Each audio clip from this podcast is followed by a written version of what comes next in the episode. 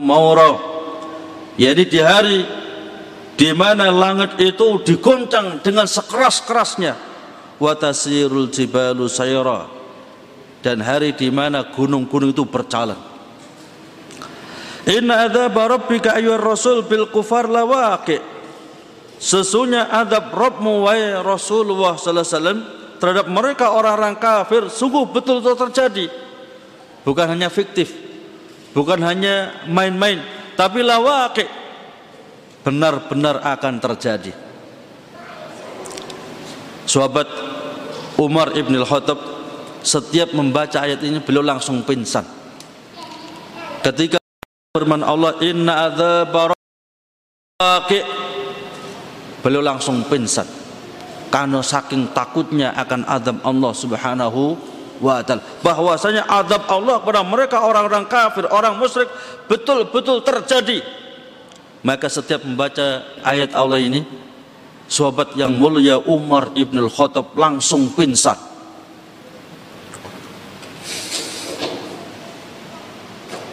Laisa lahu min mani'in yamnahu hina wuku'ihi yang mana tidak ada seorang pun yang mampu untuk menolak terhadap azab Allah ketika azab itu telah ditimpakan. Mungkin kalau di dunia ya suatu hukuman di dunia bisa ditolak ya. Yang mestinya di penjara selama 10 tahun bisa dapat bisa satu tahun atau mungkin hanya satu hari atau bahkan bebas. Karena hakimnya butuh makan.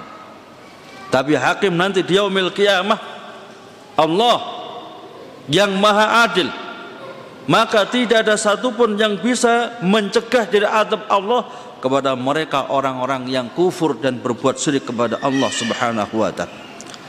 Yauma tataharraqu sama fayahtallu nidamuha wa tattaribu adzauha. Ingatlah hari kiamat, hari di mana langit itu digoncang dengan sekeras-kerasnya oleh Allah. Ya. Wa dzalika inda nihayatil hayati dunya. Dan itu terjadi ketika habis masa ya, masa dunia ini sudah habis. Yani yaumil kiamah. Wa tazulul jibal an amakiniha wa tasiru kaisir sahab Demikian pula gunung-gunung itu ya yani akan turun.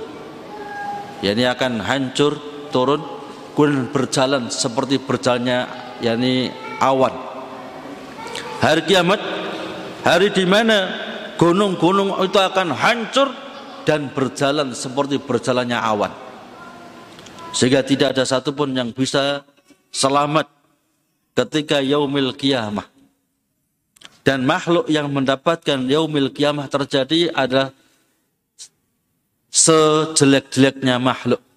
Nabi kita Muhammad SAW telah bersabda bahwasanya manusia makhluk yang mendapatkan terjadinya hari kiamat ulaika sirarul khalqi indallah. Mereka lah makhluk yang paling hina di hadapan Allah Subhanahu wa taala.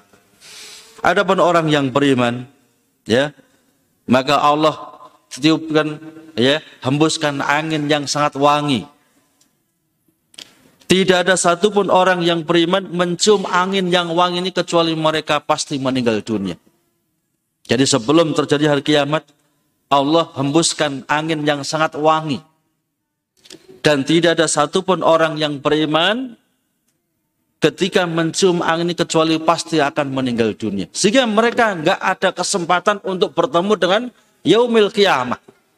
Karena makhluk yang bertemu dengan tepat harinya yaumil kiamah adalah ulaika sirarul khulqi indallah. Mereka makhluk yang paling hina di sisi Allah Subhanahu wa taala. Kemudian kelanjutan ayat Fawailul yaumaidil muqadzibin maka celakalah pada hari itu orang-orang yang mendustakan. Alladzina hum fi khawdiyal abun. Yang mereka bermain-main dengan perbuatan dosa dan maksiat. Fahalakun fi hadal yawm. Wakin bil muqadzibin alladzina hum fi khawdin bil batil yal'abuna bihi. maka celakalah pada hari itu yakni bagi mereka orang-orang yang mendustakan dan bermain-main dengan kemaksiatan dinam huzwa dan menjadikan agama itu hanya sebagai main-main ya dan bahan tertawaan. Ketika ada orang beriman sholat ditertawakan, ya mengkaji dihinakan, ya betul-betul mentauhidkan Allah dilecehkan. Orang yang semacam akan ya sungguh dia akan merugi, sungguh dia akan celaka nanti di yaumil kiamah. Ketika menjadikan agama, ajaran agama Islam ini sebagai tertawaan, hinaan ataupun cemoohan. Ketika diajak ya jangan melakukan perbuatan-perbuatan syirik. Jangan sesaji, jangan jimat, nggak usah sikap ya dilecehkan. Itu kan kalau Wahabi semacam itu. Ya. Kalau Salafi semacam itu. Kami biasa sesaji, biasa jimat, biasa sikap. Ya. Menghinakan. Ya, bahkan memberikan lakop-lakop yang tidak baik. Maka celaka orang yang seperti itu nanti yaumil kiamah menjadikan agama ini sebagai tertawaan, hinaan ataupun cemoohan. Ya. Kelanjutan ayat Yauma yuda'una ila nari jahannam da'a. Hari di mana mereka ya akan didorong menuju neraka jahanam dengan sekeras-kerasnya. Hadhihi narul lati kuntum biha tukadzibun. Maka akan dikatakan mereka orang-orang kafir, dikatakan pada mereka orang-orang musyrik, Hadhihi narul lati kuntum biha. Inilah neraka jahanam yang dulu kalian mendustakannya. Jadi orang-orang kafir nanti di yaumil qiyam mereka akan didorong, diseret masuk neraka dan akan dikatakan kepada mereka, inilah neraka yang dulu ketika di dunia kalian mentertawakannya. Kalian di dunia menghinakannya. Kalian di dunia mempermainkannya. Yauma yudfau haula'il muqadzibun daf'an bi anfin wa mahanatin ila nari jahannam. Hari di mana mereka orang-orang yang mendustakan, orang-orang yang kafir, orang-orang yang musyrik, mereka diseret masuk neraka jahanam dari arah wajahnya yuqalu taubikhan lahum dan dikatakan pada mereka untuk menghinakan mereka kuntum inilah azab neraka jahanam yang dulu ketika di dunia kalian mendustakannya kalian mentertawakannya kalian menghinakannya. Jadi ketika nanti dia umil kiamah orang-orang yang kafir orang-orang yang musyrik akan diseret dan didorong masuk neraka jahanam seraya dikatakan kepada mereka, inilah neraka yang dulu kalian tertawakan. Inilah siksa neraka yang dulu kalian ya dustakan. Afasihrun hadha am antum la tubsirun? Apakah ini sihir? Apakah siksa neraka yang semacam ini sihir? Am antum la tubsirun? Apa engkau tidak memperhatikannya? Islauha fasbiru aw la tasbiru maka masuklah ke neraka dan rasakan panasnya, rasakan siksaannya. Fasbiru awla tasbiru. Engkau sabar atau tidak sabar, sawaun alaikum sama saja. Baik sabar atau enggak sabar ketika masuk neraka jahanam, sama saja. Enggak ada efeknya. Innama tuzzawna ma kuntum ta'malun. Sesungguhnya kalian diberikan balasan sesuai dengan amal perbuatan kalian ketika di dunia. Afasihrun ma tusahituna minal adab am antum la tangdur an antum la tangdurun? Apa ini sihir? Yang kalian saksikan dari azab neraka ini apakah ini sihir atau kalian tidak melihatnya? Zuku harra nar fasbiru ala alamiha wa siddatiha aw la tasbiru ala dhalik. Ya, maka rasakan panasnya, siksanya api neraka. Ya, engkau sabar untuk mendapatkan azabnya, siksanya atau tidak sabar, fala yukhaffaf ankumul adab, maka tidak akan pernah diberikan keringanan dalam azab ini. Baik sabar atau enggak sabar, enggak akan dikasih keringanan dan enggak ada dispensasi. Walan tukhraju minha dan kalian tidak akan mungkin bisa keluar dari neraka. Maka kita berdakwah, berdakwah dan berdakwah kepada saudara kita kaum muslimin supaya mereka betul-betul mentauhidkan Allah, supaya mereka betul-betul menjauhkan dari perbuatan syirik. Harapannya agar mereka bisa selamat dari neraka Allah Subhanahu wa. Minimalnya ketika harus masuk neraka ada harapan untuk keluar dari neraka, masuk ke dalam surga Allah Subhanahu wa taala. Dan mereka lah yang disebut oleh Nabi kita Muhammad SAW jahannamiyun, mantan tahanan jahanam.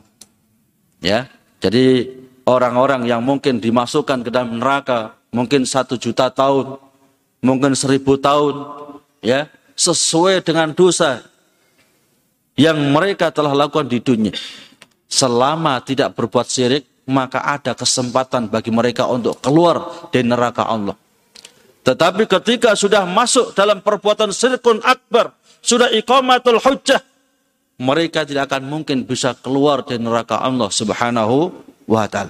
Maka kita berdoa kepada saudara kita kaum muslimin supaya menyembah hanya kepada Allah, bertawakal hanya kepada Allah, isti'anah hanya kepada Allah, istighosah hanya kepada Allah, isti'adah juga hanya kepada Allah, tujuannya supaya terbebas dari neraka jahanam. Ya. Anda saja mungkin harus masuk, ada kesempatan untuk keluar. Tapi orang yang musyrik, Allah telah berfirman, Innahu ma yusyrik billah faqad haramallahu al-jannah wa ma'wahun nar wa ma. Orang yang berbuat syirik Allah haramkan untuk masuk surga. Jadi nggak mungkin masuk surga. Hukumnya haram masuk surga. Ya, tempat kemudian di neraka dan tidak ada penolong bagi orang-orang yang zalim. Tidak ada kezaliman yang paling zalim ketika kita telah diberikan kehidupan oleh Allah, diberikan sarana prasarana kehidupan oleh Allah, dikasih umur, waktu, rizki, tetapi kita masih berbuat syirik kepada Allah Subhanahu wa taala. Sawa'un 'alaikum sabartum am lam tusbiru innama tuzawna ma kuntum ta'maluna fid dunya. Ya, sama saja. Kalian sabar ya di dalam neraka sabar atau enggak sabar sama saja. Itu siksa diberikan kepada kalian dengan sebab perbuatan kalian di dunia. Kelanjutan ayat innal muttaqina fi jannati wa na'im. Sesungguhnya orang-orang yang muttaqin, orang-orang yang bertakwa, mereka nanti di yaumil qiyamah fi jannati wa na'im, di dalam surga yang penuh dengan kenikmatan. Fakihina bima atahum rabbum.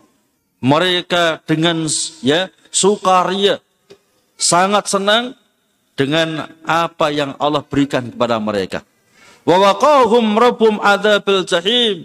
Dan Rabbnya yakni Allah Subhanahu wa taala akan menjaga mereka dari azab yang membakar. Yakni azab neraka. Innal muttaqina fi jannati wa na'im azimin. Sesungguhnya orang-orang yang muttaqin orang-orang yang bertakwa mereka di dalam surga yang penuh dengan kenikmatan yang luar biasa orang-orang yang betul-betul bertakwa kepada Allah. Siapa mereka?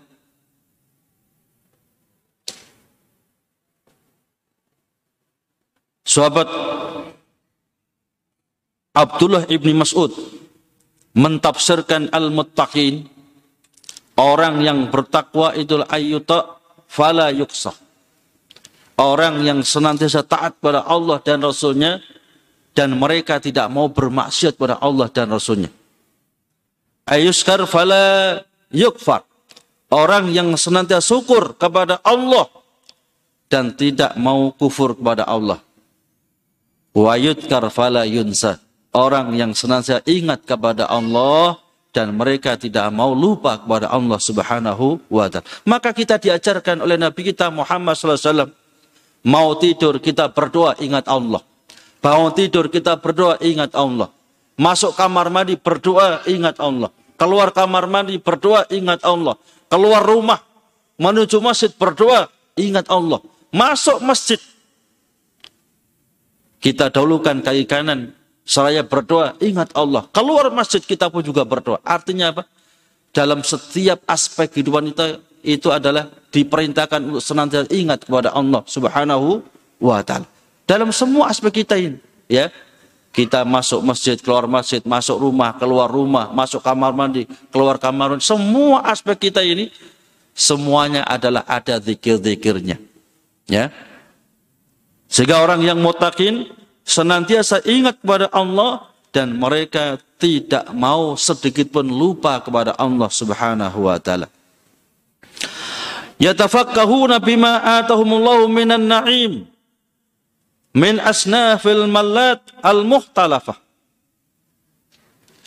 Mereka sangat sukaria, sangat bahagia dengan nikmat yang Allah berikan kepada mereka min asnafil malatil muhtalafah, muhtalifah. Ya. Dengan nikmat-nikmat berbagai macam nikmat yang bermacam-macam. Wa najjahumullahu min adzabin nar dan Allah selamatkan mereka dari azab neraka. Jadi orang-orang yang muttaqin mereka akan bersukaria dengan nikmat yang Allah berikan kepada mereka dengan kenikmatan yang bermacam-macam. Ya, bahkan jambu sekarang dimakan, nanti makan lagi lain rasanya. Nanti makan lagi lain rasanya. Beda dan kita di dunia, ya. Jambu misalnya, jambu mente misalnya. Sekarang dimakannya semacam itu kemarin sama, nanti sama, besok juga sama. Tapi kalau di surga namanya sama, tapi rasanya berbeda. Setiap kita makan, setiap itu pula berbeda rasa. Ya, mungkin kita makan jeruk misalnya. Ya, kalau jeruk di dunia sekarang ya sama, besok sama, kemarin sama, nggak ada bedanya. Ya, tapi kalau jeruk di nanti di yaumil kiamah namanya sama jeruk, burtukol sama. Tapi setiap kita makan, setiap itu pula berbeda.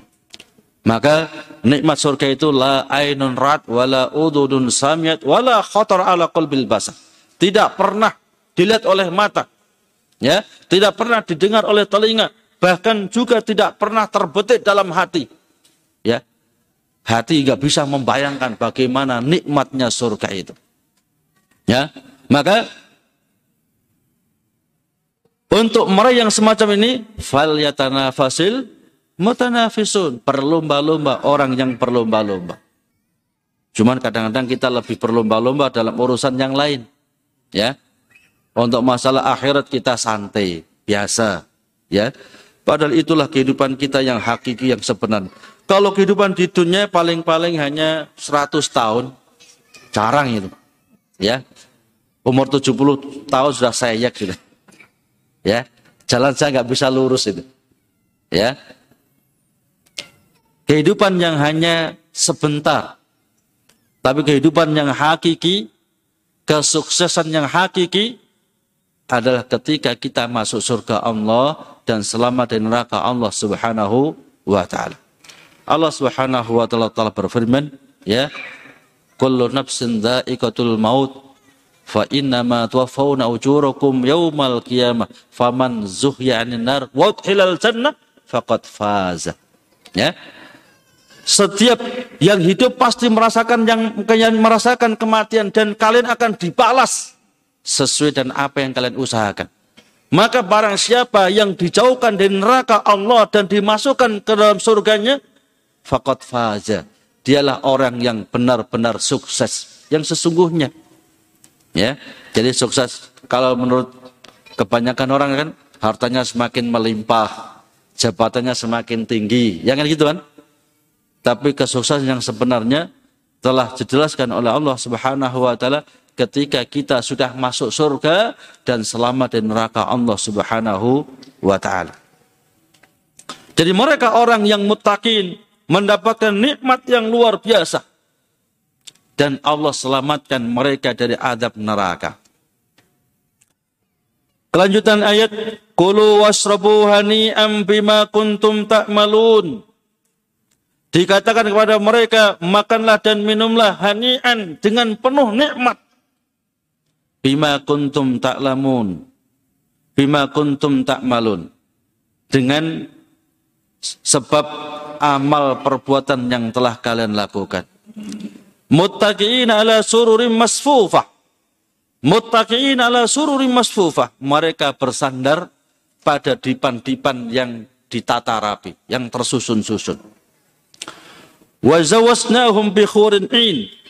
Dan kami nikahkan mereka dengan bidadari-bidadari yang ya yang sangat indah matanya. Kulu to'aman hani'an wasrabu saraban sa'iran. Jaza'am bima amiltum min a'malin salihatin fid dunya. Maka dikatakan kepada mereka orang yang muttaqin, penduduk surga, kulu to'aman hani'an. Makanlah makanan-makanan dengan penuh nikmat. Wasrabu saraban sa'iran dan minumlah dengan sepuas-puasnya. Jaza'an bima amiltum min a'malin salihatin fid dunya. Sebagai balasan dari perbuatan amal soleh yang telah kalian lakukan di dunia. Dan tentunya amal soleh yang bisa memasukkan seseorang ke dalam surga ketika seorang itu betul-betul mentauhidkan Allah dan jauh dari perbuatan syirik kepada Allah. Karena amal ibadah kita akan hapus ketika kita berbuat syirik kepada Allah. Lain asrakta layah batanna amaluka. Kalau engkau berbuat syirik, maka seluruh amal kebajikanmu akan aku hapus. Ibadah kita mulai kecil sam ya seterusnya akan hapus di semuanya. Ya, akan dihapus semuanya oleh Allah ketika kita berbuat syirik. Maka belajar masalah tauhid agar tauhid kita lurus, agar akidah kita lurus, ya, agar kita betul-betul terjauh dari semua perbuatan syirik dan macam-macam. Ya. Karena kadang-kadang orang itu perbuatan yang maksiat, perbuatan syirik, ya, perbuatan dosa itu dikasih nama yang seolah-olah bukan perbuatan maksiat itu sendiri. Ya, bukan suatu perbuatan syirik itu sendiri. Bukan suatu perbuatan dosa itu sendiri. Ya misalnya Homer. Ya, sekarang ganti nama ya. Topi miring misalnya. Atau yang lain. Orang yang nggak ngerti mengatakan ini kan bukan Homer. Ya ini topi topi miring. Ya. Atau dikasih yang lain misalnya toa. Tahu toa? Ya toa itu dari legen ya yang dimasukkan ke bumbung itu kemudian di apa itu biasanya dipendam di bawah got. Ya, jadi sebetulnya kotor itu. Ya. Jadi tempat-tempat itu di apa digali, dimasukkan situ, ditimbun lagi, ya.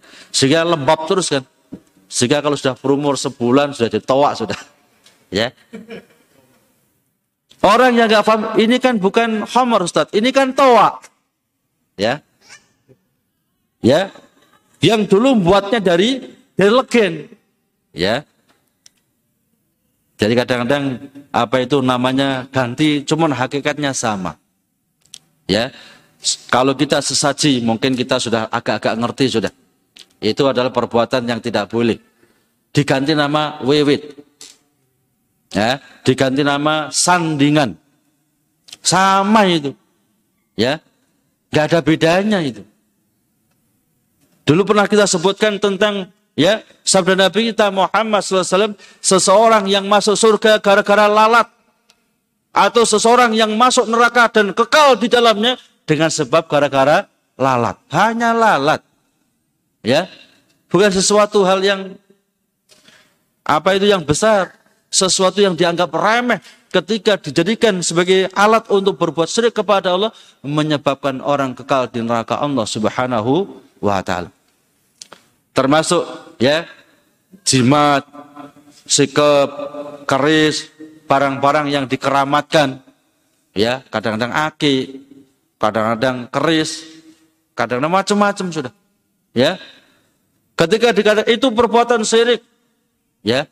Ini kan bukan ya dikata ini kan bukan jimat, ini hanya aki, ini hanya keris, ya, ini hanya ikat pinggang dan macam-macam. Ya, ini hanya budaya. Maka Nabi kita Muhammad SAW telah tegaskan. Kata Nabi bahwasanya lau mitta wahya alaika ma aflahta abada. Kalau kamu masih bergantung dengan jimat sikapmu itu, barang-barang yang kamu keramatkan itu, sampai engkau meninggal dunia, maka kamu gak akan mungkin bisa keluar dari neraka Allah Subhanahu wa taala. Artinya kekal di neraka. Dan kadang-kadang itu dianggap biasa, ya, mau petinggian cari ya sikap ya. Dan itu dianggap lumrah, masya Allah. Dianggap lumrah, dianggap biasa. Ya, sehingga kejadiannya semacam itu biasa, lumrah, dianggap lumrah. Gak ada satupun yang mengingkari. Bahkan yang buat kadang-kadang orang yang dianggap sebagai tokoh. Maka benar sabda Nabi kita Muhammad SAW, Innama khafu alaikum alaimatal mudhillin. Yang paling aku khawatirkan atas kalian, pemimpin-pemimpin kalian, tokoh-tokoh kalian, panutan kalian, tapi justru mereka yang akan menyesatkan kalian. Jadi dianggap orang yang tokoh tapi yang buat jimat, buat sikap. Ketika, ketika dikatakan, ya, ini yang buat bukan orang sembarangan Ustaz. Baca kitab gundul juga pinter. ya, kita gundul juga pinter, kita puning pinter itu, ya. Dia pinter tapi kebelinger. Ya, karena apa? Masalah tauhid gak paham. Padahal masalah tauhid masalah yang pertama dan yang paling utama diajarkan dalam seluruh ajaran para nabi dan rasul. Allah telah berfirman, "Walaqad ba'atsna fi kulli ummatin rasulan an ibudullaha wastanibut tagut." Artinya seluruh ajaran nabi dan rasul sama, ajaran tauhid. Ada masalah fikih sedikit berbeda, ya. Ah, tapi dalam masalah akidah, tauhid sama, Mulai Nabi yang pertama sampai yang terakhir, Rasul yang pertama sampai Rasul yang terakhir, masalah akidah, masalah tauhid sama, gak ada bedanya. Yang beda itu dalam masalah apa itu furu berkaitan dengan ya fikih. Contoh kalau kita kaum muslimin puasa itu mulai subuh sampai maghrib. Tapi orang-orang sebelum kita mereka puasa dalam 24 jam boleh berbuka ketika datangnya waktu maghrib. Selesai maghrib, ya, waktu maghrib dia tidur, maka harus puasa lagi sampai datang maghrib berikutnya. Tertidur lagi, harus puasa sampai maghrib berikutnya. Karena waktu makannya hanya sekali tok waktu itu. Kalau kita kaum muslimin, oh ya, waktu maghrib berbuka, bisa makan lagi. 12 ya, jam 12 makan lagi. Jam 3 makan lagi. Mau subuh masih sempat makan lagi. Masya Allah. ya. Kalau umat terdahulu, ketika pakan mereka terkena harus dipotong. Ya, jadi terkena najis gak bisa dicuci dengan air, dipotong langsung. Tapi kita, umat Islam, ketika pakaian kita terkena najis dicuci akan jadi suci. Ya, jadi berbeda banyak perbedaannya.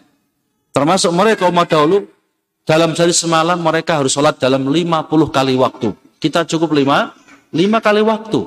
Ya. Tetapi masalah akidah, masalah tauhid sama.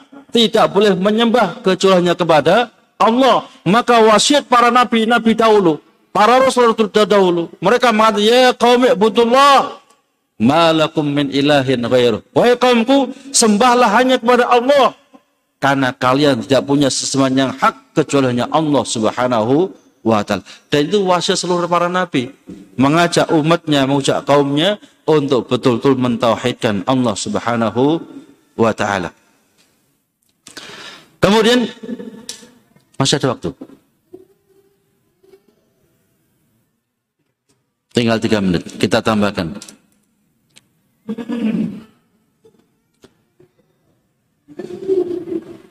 Walladzina amanu wattabathum dzurriyyatum biimanin. Dan orang-orang yang beriman dan anak cucu mereka mengikuti mereka dengan keimanan. Alhaqna bihim dzurriyyatum. Maka akan kami kumpulkan mereka dalam satu keluarga kembali. Itu nikmat melebihi nikmat yang lain. Alangkah nikmatnya ketika kita di surga Allah mendapatkan nikmat Allah bersama orang-orang yang kita cintai. Siapa mereka? Orang tua kita, istri kita, suami, ya, anak-anak kita, cucu kita dan semuanya. Ya. Kata Allah Subhanahu wa taala, orang yang beriman, anak cucu mereka mengikuti dengan keimanan, al-haqna bihim Maka akan kami ya kumpulkan kembali dengan anak cucu mereka. Wa ma min amalihim min dan kami tidak pernah mengurangi pahala mereka sedikit pun. Kullu bima kasabarahin. Dan setiap jiwa itu tergantung dengan amal perbuatan mereka di dunia. Merupakan nikmat di atas nikmat. Ketika orang-orang yang beriman dimasukkan ke dalam surga oleh Allah Subhanahu wa taala, dan Allah kumpulkan mereka dengan keluarga mereka kembali. Ya, misalnya anaknya amalnya mestinya surga ya paling bawah misalnya. Sedangkan amal ayahnya ini surga yang pertengahan, maka anak-anaknya anak-anak ini akan diikutkan ya bersama dengan derajat surga ayahnya. Atau sebaliknya, mungkin ayahnya amal ibadahnya sedikit, dia surga yang paling bawah misalnya. Tapi anaknya surga yang bagian tengah misalnya, maka ayah ini akan diikutkan, digabungkan dengan surga di mana tempat anak-anak mereka diberikan nikmat oleh Allah Subhanahu Walaupun amal ibadah mereka nggak sama. Itu temukan nikmat yang Allah berikan kepada kita orang yang beriman dan anak cucu keluarga kerabat yang mereka juga beriman. Maka ketika kita ingin berkumpul dengan orang-orang yang kita cintai di surga Allah, maka jangan bosan-bosan berdakwah, mengajak. Ya, jangan sendirian. Ajak orang tua kita, ajak kerabat kita, ajak anak istri kita untuk mereka bareng-bareng beribadah mentauhidkan Allah. Ya, agar kita bersama-sama mendapatkan nikmat yang dijanjikan oleh Allah Subhanahu wa taala. Jemaah rahimakumullah, waktu telah habis. Mudah-mudahan apa yang kita kaji pada malam hari ini memberikan taman ilmu dan wawasan ilmu kita semuanya. Kita tutup dengan doa kafaratul majlis. Subhanallah asyhadu an la ilaha illa anta astaghfiruka wa atubu. Assalamualaikum warahmatullahi wabarakatuh.